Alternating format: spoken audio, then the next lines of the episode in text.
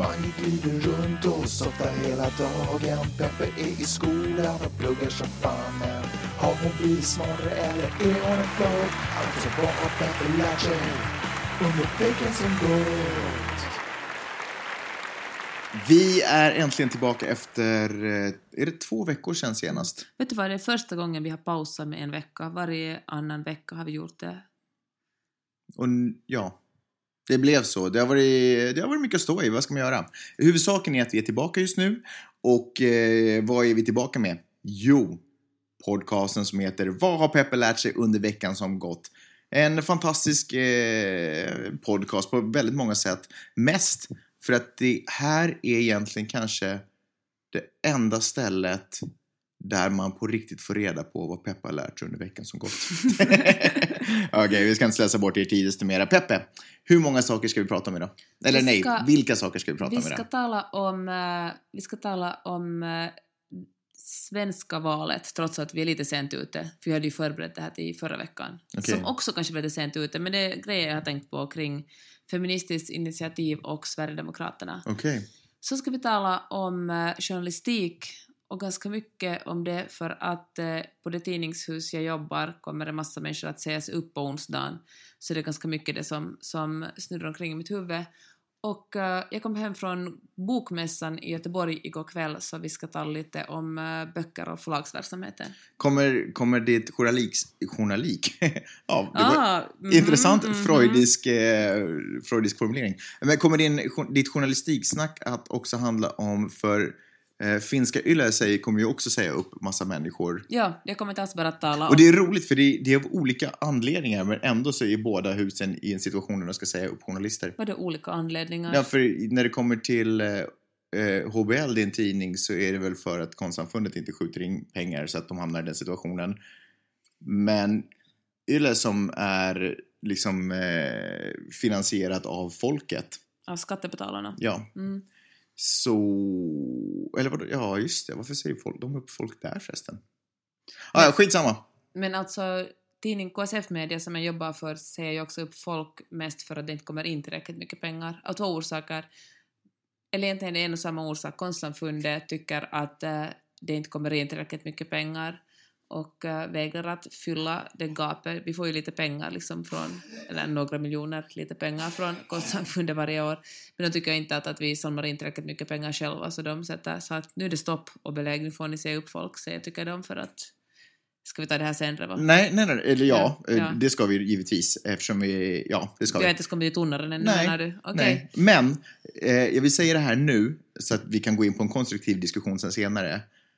Eh, mitt, min eh, konspiratoriska sida tänker så här, om människor hela tiden är utsatta för ett hot av att till exempel bli av med sitt jobb så är det också ett fantastiskt sätt att hålla folk i schack.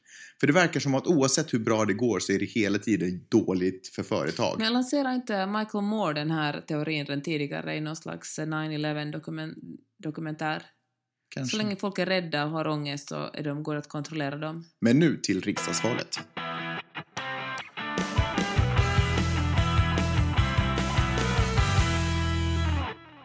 Vad vill säga? Som du kanske vet gick det ganska bra för Sverigedemokraterna i svenska riksdagsvalet. Det är mycket fokus på det. Man kan välja att se det så. Eller så kan man välja att se det som att det gick dåligt för Moderaterna och bra för vänstern. Mhm, ser du det så? Det, det rör dig inte i ryggen att de Jo, nästan det- 13 procent? Det rör mig absolut i ryggen. det, det är liksom det är vilken som- 13 olyckliga procent, helt klart. Det är ju liksom inte vilket parti som helst som, råkar, som man bara råkar tycka illa om, utan det är verkligen ett, ett parti med liksom anor i, fascistiska och rasistiska grunder. Ja. Ja, det är sant. Och då tänker jag, då har visserligen folk varit oroade, tyckt att det är, det är såklart ens, vi lever ju i en bubbla på internet, så ens Facebook-feed och ens Twitter-feed har ju alla tyckt att det är hemskt. Mm. Men det finns säkert en massa andra Facebook och Twitter-feeder som är jävligt glada och, och gratulerar varandra. Typ 800 000 sådana. Ja. Men det som jag tänkt på att äh, Feministiskt initiativ, det gick bra för dem i valet, jättemycket bättre än förra valet, men det gick inte tillräckligt bra för att äh, de skulle komma in. Ja. Och då tänkte jag att hur mycket, hur skrämmande feminismen är, för det var en massa människor som var så jävligt glada över att de inte kom in. Och det var folk som till och med skrev, alltså fin, finländare som skrev i min Twitterfeed var sådär att så länge det sista partiet jag ska rösta på någonsin är feministiskt initiativ, att det är det värsta som kan hända. Och eh, så uppenbarligen lever jag ju inte helt i en bubbla då. Att mina vänner kanske inte röstar, eller mina, de jag följer röstar kanske inte på Sverigedemokraterna men alla har inte jättesympatiska tankar om, om feministiskt initiativ. Och det funderar för att, för att FI är ju trots allt ett parti som tycker att äh, man ska behandla folk lika. De är väldigt tydliga med att, att det är ingen skillnad vem man blir kär i eller vilka ursprung man har eller om vilket sorts kön man har så ska man få en, en jämlik behandling. Och ändå är folk så himla rasande på dem. Mm. Alltså det är verkligen eh, dödshot och liksom långa haranger på Flashback och andra webbformer. Och inte bara på Flashback utan det är uppenbarligen på Twitter också. Ja. Och, då, och, och, det är intressant för när jag skriver om, om feminism så blir folk också helt rasande. De blir liksom helt uh, superarga och, och liksom skriver helt galna saker i, i kommentarsfältet. Och då tänker jag att, att vad är det som provocerar så otroligt mycket med någonting som egentligen åtminstone på papper så är det ju inte en bra sak att alla ska behandlas lika. Ja. Och då lanserar min eh, kompis Basse en sån här teori. Han sa att, att eh, Sverigedemokraterna hotar ingen maktbalans. Utan tvärtom. Det är Ingen liksom, uppenbar maktbalans i alla fall. Men ja. nej, men, Eller ja, nej, just det. Nej, det gör de inte. Det. Nej. Medan eh, feminismen definitivt gör det. Ja. Kan du skriva under det? Eh, ja. Ja. Det är en intressant teori. Och då tänker jag att jag, jag skrev ganska nyligen om, om föräldraledigheten, föräldraledighet på min blogg och, och det var, liksom, det var en, en, debatt där men de flesta var liksom vettiga människor. Vissa skrev i versaler och utropstecken men det var liksom, fast folk tyckte olika så var det ändå en någorlunda sansad diskussion där. Men, äh, men det var folk verkligen, de som argumenterade för, ett, eh, för en, en, en, eh, lik, en likadelad föräldraledighet, typ 6 plus 6 plus 6 metoden, metoden eller systemet, mm. modellen, som då handlar om att, att uh, man har, om, om föräldrarna delar på det första året, 6 plus 6 månader, får man i belöning 6 månader till. Och uh, de argumenterar för det här för att det är liksom bra i längden, inte, inte nog liksom på kort sikt med att barnet får bra kontakt med båda sina föräldrar och att ingen, ingen uh, blir på något sätt diskriminerad på, på arbetsmarknaden eftersom båda stannar hemma lika kort eller lika länge. Och, och, plus att det ju är liksom vettigt också i framtiden att, att uh, man försöker jämna ut liksom arbetsmarknaden och lönerna och i längden pensionerna. Mm. Medan de som argumenterar för att uh, mammon, det var alltid så att mammorna skulle få stanna hemma för att i nästan alla fall så gick det bara inte att papporna skulle stanna hemma, argumenterar bara ur sitt eget perspektiv, ur sin egen familjesituation och sa att vår familj har inte råd med det här. Och då tänker jag att jag tycker också det är en intressant uppdelning att, uh, att man bryr sig inte så hemskt mycket, eller man bryr sig bara om sin egen familjs ekonomi och, det, och så har man inte liksom så mycket intresse för sina barns framtid att man ser att ett, ett, i längden så kommer ett jämställt, ett jämställt samhälle kanske att gynna både ens söner och döttrar. Mm. Ja, jag funderar på, är det ens... Du sa att man bryr sig bara om sitt eget, sin egen situa livssituation, men jag undrar om Undrar om det egentligen är det man försvarar. Jag tror att, eller det man börjar... Jag tror, det, jag tror att det man egentligen eh, känner sig manad att försvara är kanske sina livsval. Snarare mm. än liksom ens familjssituation. Mm. Tror du att feminismen är på något sätt en så pass trendig grej att man känner sig liksom personligen påhoppad om någon kommer och säger att att uh, det bästa vore om, om mammorna och papporna delade lika och så känner man att herregud, jag gör inte så här så nu är jag liksom i utegänget. Men är det inte, är det inte tidens melodi och kanske har varit de senaste 20 år, 30 åren att man ska vara att man är tuff om man inte gör som alla andra och man ska hitta sin egen väg. Du menar jättestark individualism ja. liksom? Och om någon helt plötsligt, och så, och så, lev, så växer man upp så och så lever man så och så är det någon som helt plötsligt säger att men du gör ju som alla andra. Mm. Och då blir man kanske jätteprovocerad därför att man man kanske aldrig tyckte sig göra som alla andra utan man på något sätt fattar de här besluten efter eget huvud.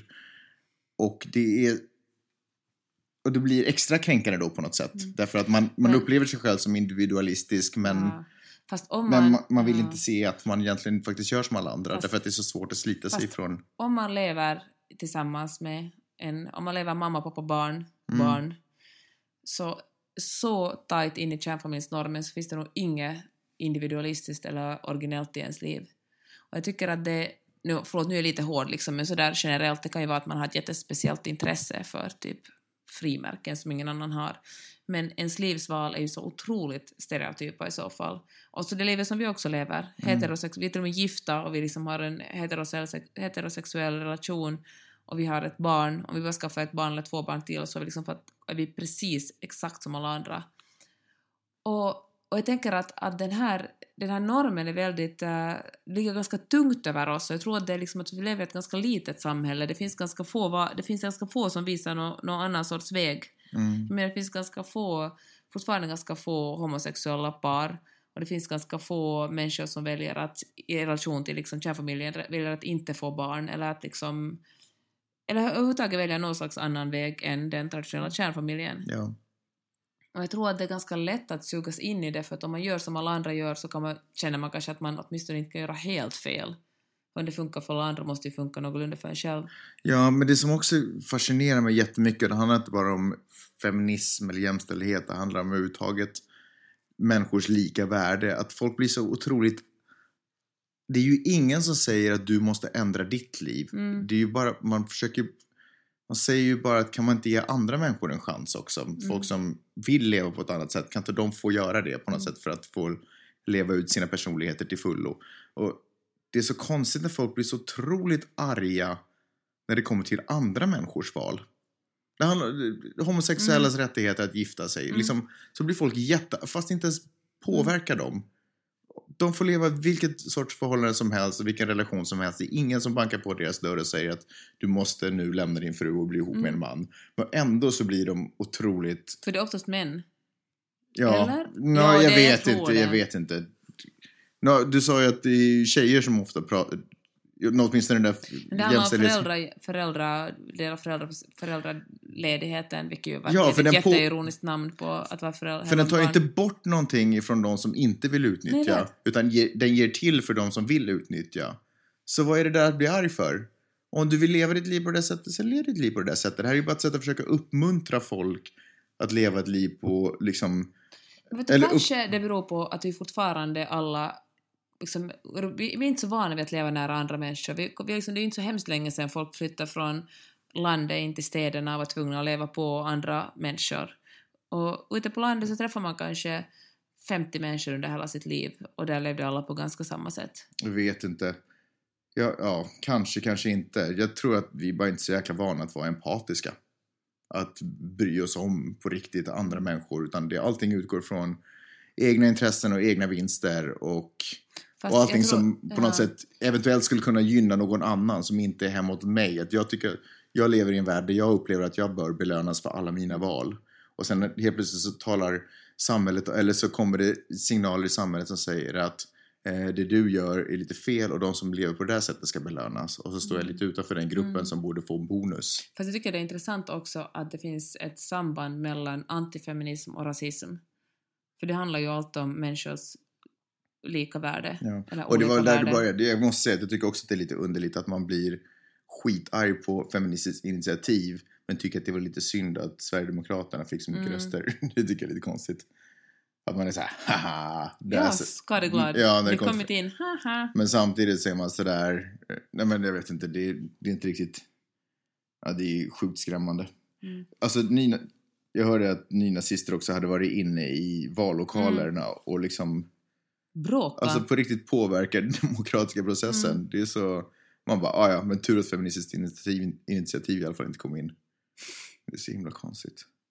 Men Ja, det- alltså helt ärligt, jag, eh, jag, jag orkar inte med. Alltså jag, jag menar om folk vill ha det på det här sättet så fucking ha det på det här sättet då. Nej, här är ju, det här är ju världen vi där ska leva uppe. Vi måste kämpa för att det blir en bättre värld. Vi måste för Vidars skull. Vi går vidare, apropå det. Okej.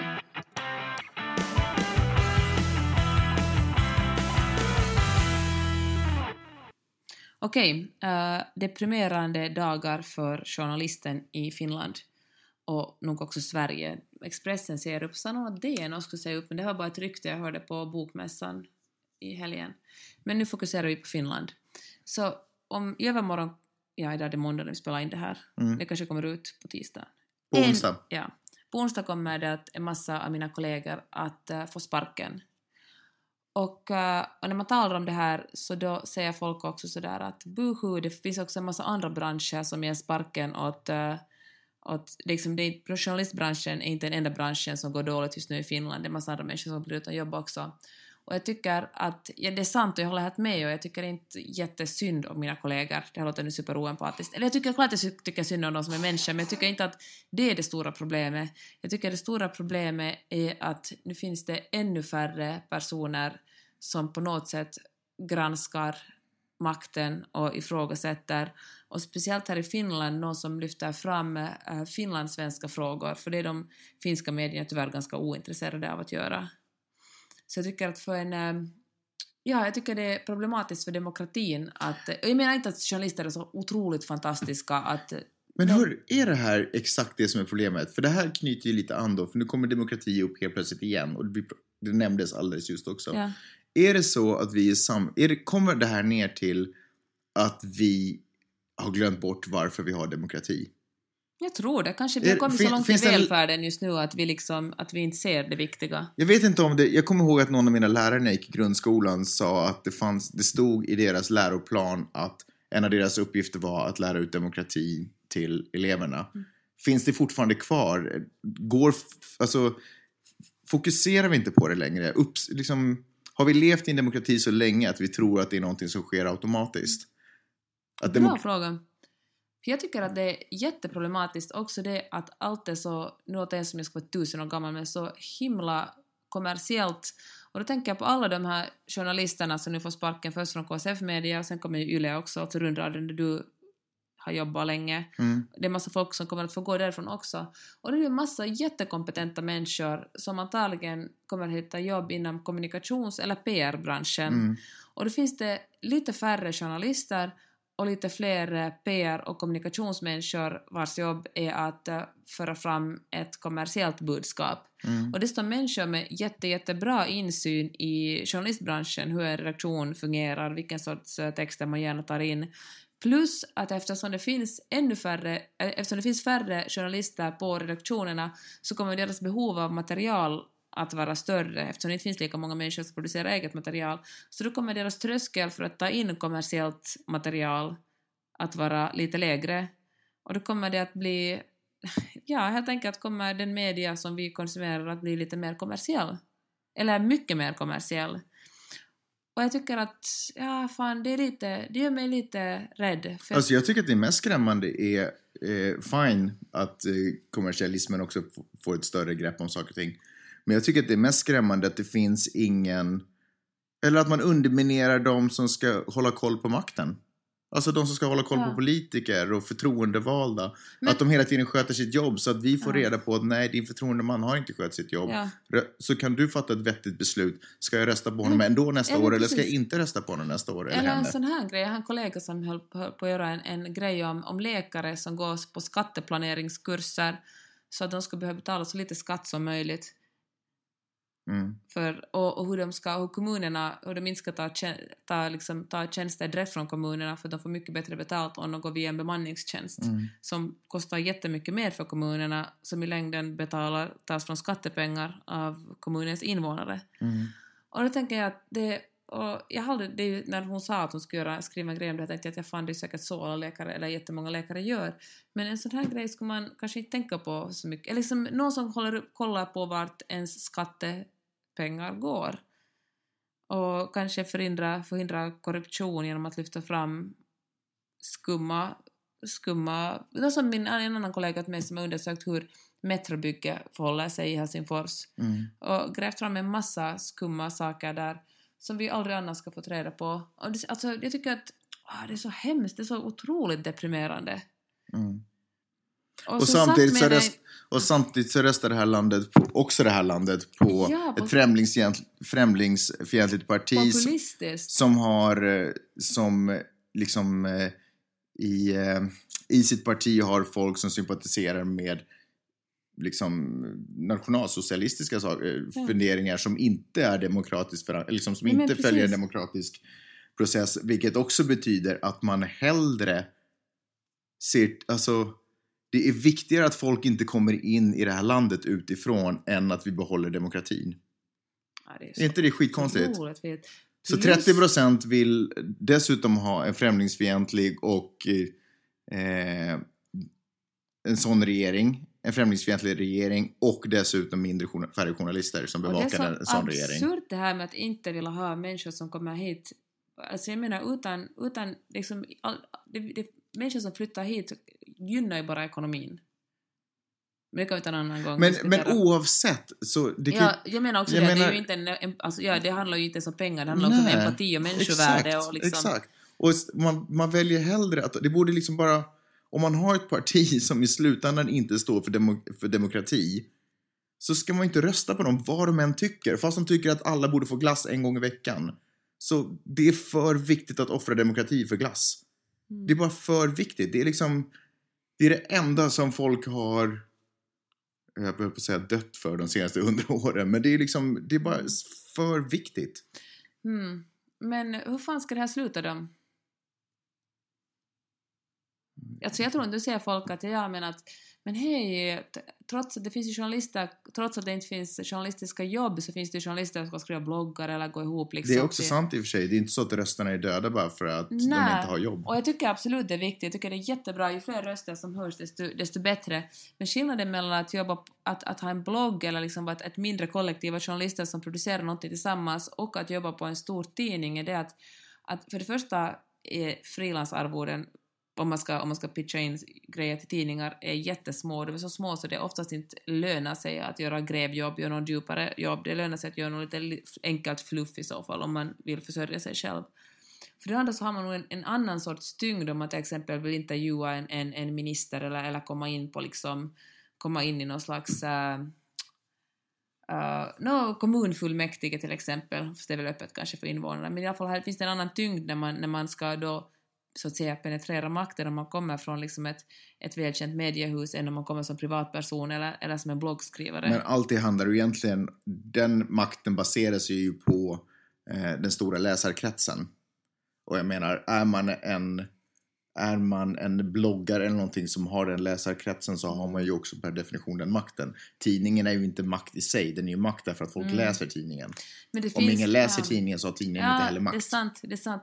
Ja, men det finns också en, en fördel med att jobba på en redaktion med andra professionella journalister så man kan bolla idéer och, och liksom diskutera sig fram hur man Mm. ska liksom hur man, ja, hur man ställer ihop tidningen, vad som, är, vad som är viktigt att ha i den, vad som inte är viktigt. Mm. Till exempel förra fredagen tyckte tidningen som man jobbar på att, ha en, att det var viktigt att ha en artikel om att eh, alla män föredrar kvinnor i 25-årsåldern. Mm. Förlåt, nu var jag, nu var jag sarkastisk eller ironisk, men att det var ju en alldeles fruktansvärt vidrig artikel där journalisten dessutom har gått ut i korridoren och intervjuat sina kollegor och frågat vilken sorts kvinnor de föredrar. Ja, Sina kvinnliga kollegor. nej, nej, bara manliga, för det är väl ganska ointressant vad kvinnor vill ha. I alla fall så tycker jag att eh, det är oroväckande att allt är så kommersialiserat. Och jag förstår också att tidningen också måste dra in pengar för att kunna betala ut löner, men eh, jag vet inte om det, är rätt, det här är rätt sätt. Jag tror inte man kan få in mera prenumerationspengar genom att ha färre journalister. Alltså det, blir det, det är omöjligt att det inte skulle kunna bli lite sämre journalistik. Mm. Men jag tycker helt ärligt, är det inte så, rätta mig om jag har fel, det är konstsamfundets uppgift att hålla Hufvudstadsbladet vid liv. Ja. Är det inte så? Och det, om det är så att konstsamfundet inte tycker sig behöva hålla eh, tidningen fullvärdigt vid liv så arbetar konstsamfundet mot demokratin. Ja. Då, är konstsamfund, då ligger demokratin inte i konstsamfundets intresse utan då är de mer intresserade av att på något sätt upprätthålla sin ekonomi eller vad fan det är de försöker göra eller, eller visa någon form av större vinst eller eventuellt öppna ett nytt museum. Men demokrati är inte det som de huvudsakligen är intresserade av. Och det är ju ganska tragiskt. Boom!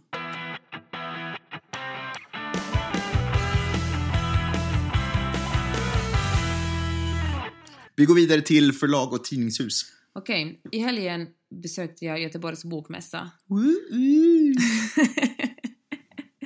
jag fick träffa Jessica Gedin och den där lilla före detta kulturministern som ni hade i ert land.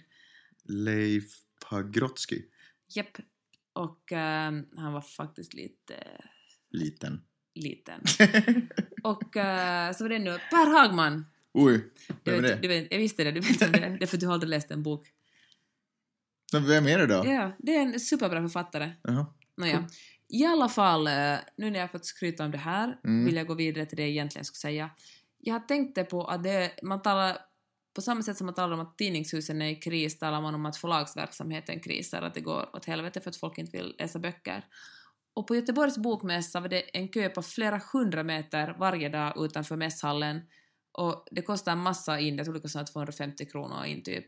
Och så köper folk ännu böcker där inne och liksom så folk verkligen hade kom in med öppna plånböcker och ville bara spendera sina pengar. Och då känns det spontant konstigt att det är en bransch som är ointressant och det går dåligt för. Men, och, men det kan ju vara att det faktiskt gör så. Jag kan förstå att det finns mång, liksom en stor problematik till exempel med e-böcker. Förlagen har varit ganska dåliga på att kanske trotta ut sina e-böcker och folk har varit ganska dåliga, kanske, kanske, Kanske. kanske. Ganska dåliga. på att, eh, på att eh, marknadsföra sina e-böcker och, och så finns ju, och när bibliotek, om man kan låna e-böcker från bibliotek finns det ju ingen mening med att köpa en e-bok från ett förlag. Låna en e-bok från bibliotek Ja. var det dummaste jag hört i hela mitt liv. Varför det? Vadå låna en e-bok från ett bibliotek? Klart man kan låna e-böcker från bibliotek. Okej, ja okej. Men då tänker jag så här att eh, när förlagen säger buhu, vi är i jättestor kris, eh, ingen läser böcker längre, är det, för det första är det en lögn. Mm. Och jag tror för det andra att, att folk visst kommer att, folk kommer att läsa e-böcker på flyget när de åker på semester eller på telefonen. Folk gör ju det redan. Ja, ja. Men det har snackats jättemånga år om att nu är det e-bokens stora år, men den Mm. kommer aldrig det stora året utan Mm. Utan folk köper fortfarande, i någon mån i alla fall, eh, vanliga fysiska pappersböcker. Men jag tror att den stora skillnaden mellan förlagsbranschen och tidningshus är det att medan tidningshusen har gett ut sina nyheter gratis så har förlagsbranschen aldrig gjort det. Man har alltid varit tvungen att betala för böcker, Mm. förutom på bibliotek. Och, men- eller tidningsbranschen har inte sett ut det gratis. De har varit sådär, varsågod, det här får du gratis. Nej, där får du inte gratis, där har vi en betalmur. Fast den tar vi kanske bort imorgon. Och ibland får du premiumgrejer som kostar. Och liksom det har varit väldigt eh, velande och vacklande fram och tillbaka. Och, och plus att, att det har varit jättemycket, jag tycker liksom det har varit jättemycket snack om eh, det har jag faktiskt gjort den här podden också, men det har varit liksom nästan en självuppfyllande profetia det här att ingen vill betala för nyheter. Mm. Man bara upprepar det till döds så sitter folk sådär att okej, om ingen vill betala, om det vill inte jag heller, så då får jag mina nyheter från annat håll. Ja. Men man, om man inte betalar något är man själv produkten, det är viktigt att komma ihåg.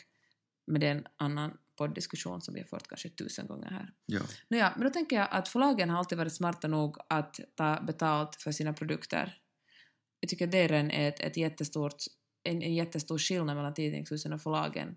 Plus att jag upplever det som att förlagen kanske inte riktigt har utnyttjat alla sina potential för att dra in pengar. För det, kanske speciellt i Finland, men kanske i viss mån också i Sverige, tycker man att litteratur är så jäkla, det är så fint och högt och det ska sättas på en piedestal och man ska beundra det och, och liksom bara diskutera det med svåra ord. Det får, det får inte finnas något roligt eller avslappnat i, i litteratur, utan det är liksom någonting väldigt allvarligt.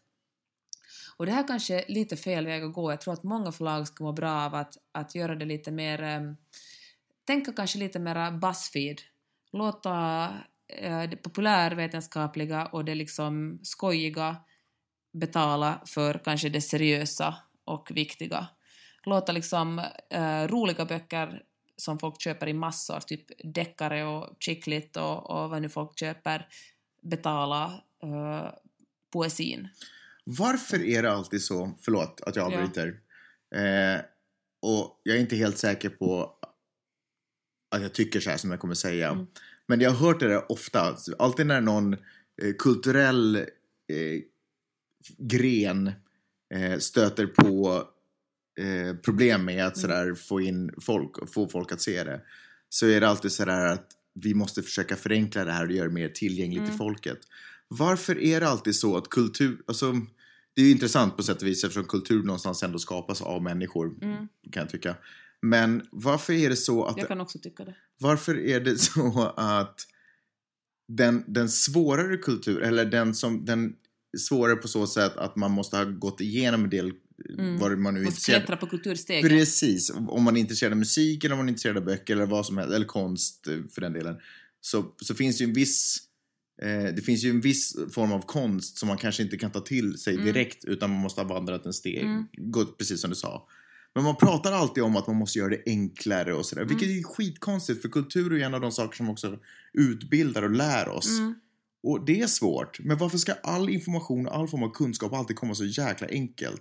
Det, det är freaking som att måste, man- ingen orkar sätta sig ner och göra sit-ups utan allting ska komma enkelt med de freaking eh, goda bär. Och så tror man, tror man typ att man får en sexpack på det. Om du vill ha någonting eller komma in i någonting eller lära någonting så, går det en lång, så är det en väg att ta sig dit. Men det är Fast- det som är en del av belöningen när man kommer fram. Fast jag tycker att man kanske måste börja enkelt. Du vet, att, Ja, att man kan, absolut. Men man kan, inte göra den, man kan inte kräva att den svårare kulturen ska bli, möta... Nej, men det Just- var inte det jag menade heller. Nej, nej, men fast du sa ju det här, eller de hade... Du, jo, du föreslog att de här äh, förlagen borde på något sätt göra det enklare och, öppna upp det mer. Nej, jag tycker att... Det Varför lite, kan man inte kräva en ansträngning av människorna när det är människornas eget intresse att de gör för att ansträngningarna? människorna hänger på Buzzfeed och Facebook. Men människor måste sluta en- vara dumma. Men de, de blir... Nej, det, det går. Det funkar inte så. Jo, Nej. Jo. Nej. Jo. Men mitt förslag... alltså mitt förslag... Jag tycker fortfarande att förlagen ska öppna upp det liksom att... Just det som man gör med knark också. Man börjar med, med något enkelt och sen jobbar man sig upp till de tunga drogerna. mm, Och då tänker jag att, intressant att liknelse. locka in folk liksom med, med, med det roligt. Gör det lite roligt. Ta inte sig, man, alltså man behöver inte ta sig själv på så himla stort allvar. Och då, tar, då har ju som vanligt Sverige kanske tagit ett steg lite närmare det här för jag tycker att en massa, det fanns en massa det var typ en, en, ett förlag som, som gav ut som någon slags kärnkrafts uh, antol, novellantologi Mm. och det gick det folk som var utklädda med så gasmasker och så vita kostymer och, Mm. och så folk blev nyfikna och frågade hej vad är ni för typer? De var att nej vi har en sån här bok som handlar om det här bla bla bla Mm. och utan de här människorna så skulle de aldrig, kanske vet du, publiken aldrig ens ha nått fram till den här boken. Eller en sån här enkel grej, de har så här fake-tatueringar, jag har faktiskt två såna med det här liksom kvin- tecknet för kvinna och sen en knuten näve, det här feministtecknet med en knuten näve inuti, inuti och det var liksom en, en feministisk bok som de så de delade ut de här fake-tatueringarna så limmade de folk, på sig, folk det på sig och tog Instagram-bilder av det och på så sätt spreds den här liksom novellsamlingen eller vad det Mm. var boken. Och jag menar att här så kanske, kanske också de finska, finländska förlagen kunna lite ta modell att våga experimentera lite och kanske inte ta sin litteratur på så himla stort allvar för att jag känner också att det är ju också i förlagens det är också i författarnas intresse att inte ta sig själv på så himla stort allvar för att om ingen, om ingen köper böcker Vad är det så... som är så fel att ta sig själv på allvar? För att, för att livet är för allvarligt för att man ska gå och tro att man är för fin i kanten för vissa saker. Men man kanske inte är för fin i kanten. Det kanske... Eh, Eh, jag säger inte nödvändigtvis... Du, om jag ska vara helt ärlig så tror jag att du spelar ett lägre spel nu. För jag tror att du också kan uppskatta de här för fina i kanten. Eh, det som... Jag tror... Det är klart, jag menar inte att alla ska skriva deckare skickligt, absolut inte. Jag tycker det är viktigt fortfarande med massa olika sorters kultur. Men jag menar, när förlagen liksom marknadsför den här kulturen, eller försöker liksom nå ut till dem som kanske inte annars skulle fångas in i, i det här nätet, så kanske de borde trappa ner ett steg och inte säga att välkommen till vår högkulturella diskussion om uh, varats eller icke varats. Alltså liksom typ en- ja och nej, men det här är lite för mig som att säga en arkeolog som har ägnat 20 år att hej, kom och häng i sandlådan. Ty, tyck, var inte så högtravande, kom och häng här med oss med hink och spade. Jag tycker Men- på något sätt, de, har man kämpat sig upp till en viss nivå och, och, och liksom förkovrat sig och ägnat år av sitt liv för att nå den här insikten och, och kunnandet så är det ju där man ska vara. Sen är det upp till alla andra om Men- de vill hänga med Nej, där. jag, jag menar, nu missförstår du mig, jag menar inte att de här författarna som har skrivit fantastiska poesiböcker eller vad de har skrivit, att de ska på något sätt förenkla det och göra det till en pekbo- göra pekböcker istället. Utan jag menar bara inkörsporten, att få folk att läsa överhuvudtaget måste man sluta ta sig på för stort allvar. Att förlaget inte behöver vara sådär, vi gör fin kultur, kulturen är finare, äh, litteraturen är finare än all annan sorts kultur. Mm. Du får bara komma in om du är jätteintellektuell och smart. Alla ni andra får stanna utanför för ni ska veta det här är, det här är seriöst och allvarligt. Utan istället glänta lite på dörren och säga att hej, det här har någon skrivit en bok som handlar om att liksom, Det här finns också böcker för er idioter. du menar att det kan vara, det kan vara förlagets nya slogan? det finns också böcker för idioter. Men fan, nu glömde jag bort att... Ja, en sån här sak För, grejen, också. för jag, kan, alltså, jag läser inte så mycket, tyvärr. Och Jag är inte stolt över det. Men någonstans inom mig så har jag en känsla också av att jag missar en hel del. Du gör det? Alltså det, ja, men jag, jag förstår att jag gör det. Eh, Men så, så, men jag kräver inte att snälla förlag kan inte göra det lite lättare för mig att börja läsa böcker. Utan Nej, jag men- förstår det själv att det finns en värld där som jag... Men tänk om de skulle locka dig lite mer och de skulle vara så att hej, här är en diskussion om, om den här boken är egentligen skriven i slutet av 1800-talet men det handlar om sådana saker som du är intresserad av, typ att göra, inte vet jag, vad, vad är du intresserad av? Men ändå anledningen till att jag inte läser så mycket är att det känns fräckt att läsa en annan bok än jag har läst in och jag kommer inte bara igenom din bok. Okej, ja, det där är så, det är så hemskt att du inte läser den. jag, jag gör det så fort jag hinner. Sveriges Radio i- under Bokmässan gjorde de en, en ringde runt till olika förlag och sa att när kommer ni att börja använda sponsorering och ehm, och de, sa inte, de talade inte om, om produktplacering men jag tycker det passar bra in här. Så ringde de runt till olika förlag och då sa till exempel Norstedts att när de gav ut Ibsens samlade verk så var det flera norska företag som sponsorerade utgivningen. Sant. Ja. Ja. ja. Och uh, så talade de med någon på Natur och kultur också som sa att eh, de ställde sig nog lite tveksamt till sponsorering och produktplacering men när förläggaren de talade med sa att hon tror att det kanske faktiskt är en realitet om några år. Också att några författarna hade själva föreslagit någon slags samarbeten som det heter i bloggvärlden. Mm. Detta är ett samarbete mellan bla bla bla bla Typ. bla. Och, eh, men att de här författarna hade varit så pass, det hade varit så pass små upplagor på böckerna att uh, ingen hade riktigt nappat på det här. Men jag tänker att, vad fan, varför inte liksom, varför kan man inte, kanske man kan ha företag som sponsrar. Sådär som vi har, nej men titta, Såklart, varför Ja. inte? jag tänker den här, nu har vi, Men det är ju också samtidigt hemskt tragiskt att det alltid måste dras in. Ja. Nu är det igen. Liksom- eh, Ja, men kanske det är så att, att om vi inte lever i en kommunistisk stat så kanske det...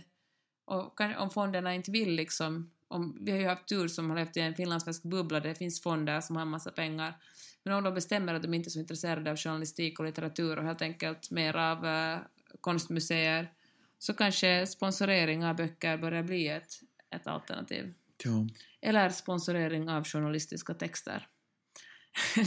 Den här notisen är sponsorerad av Wärtsilä. Mm. Nej, det kunde vara värre. Det kunde vara något, vet du, av Fennovoima. Mm. It's not funny because it's true. Det är en tragisk värld. Hörru Peppe, en positiv sak måste jag ändå säga. Och det är, vi har inte sett varandra så mycket de senaste veckorna. Och det har varit hemskt roligt att prata med dig faktiskt. Är det det är det första riktiga samtalet vi typ har haft på säkert två veckor. Och imorgon åker du igen. Ja. Hörni, eh, vi ska försöka vara tillbaka nästa vecka igen. Absolut. Det var roligt. Sköt om er. Ja, nu ska jag sova och försöka drömma positiva drömmar fast den här världen går helt åt Fenix. Sov ni gott ni också. Godnatt, ha det så bra, hej!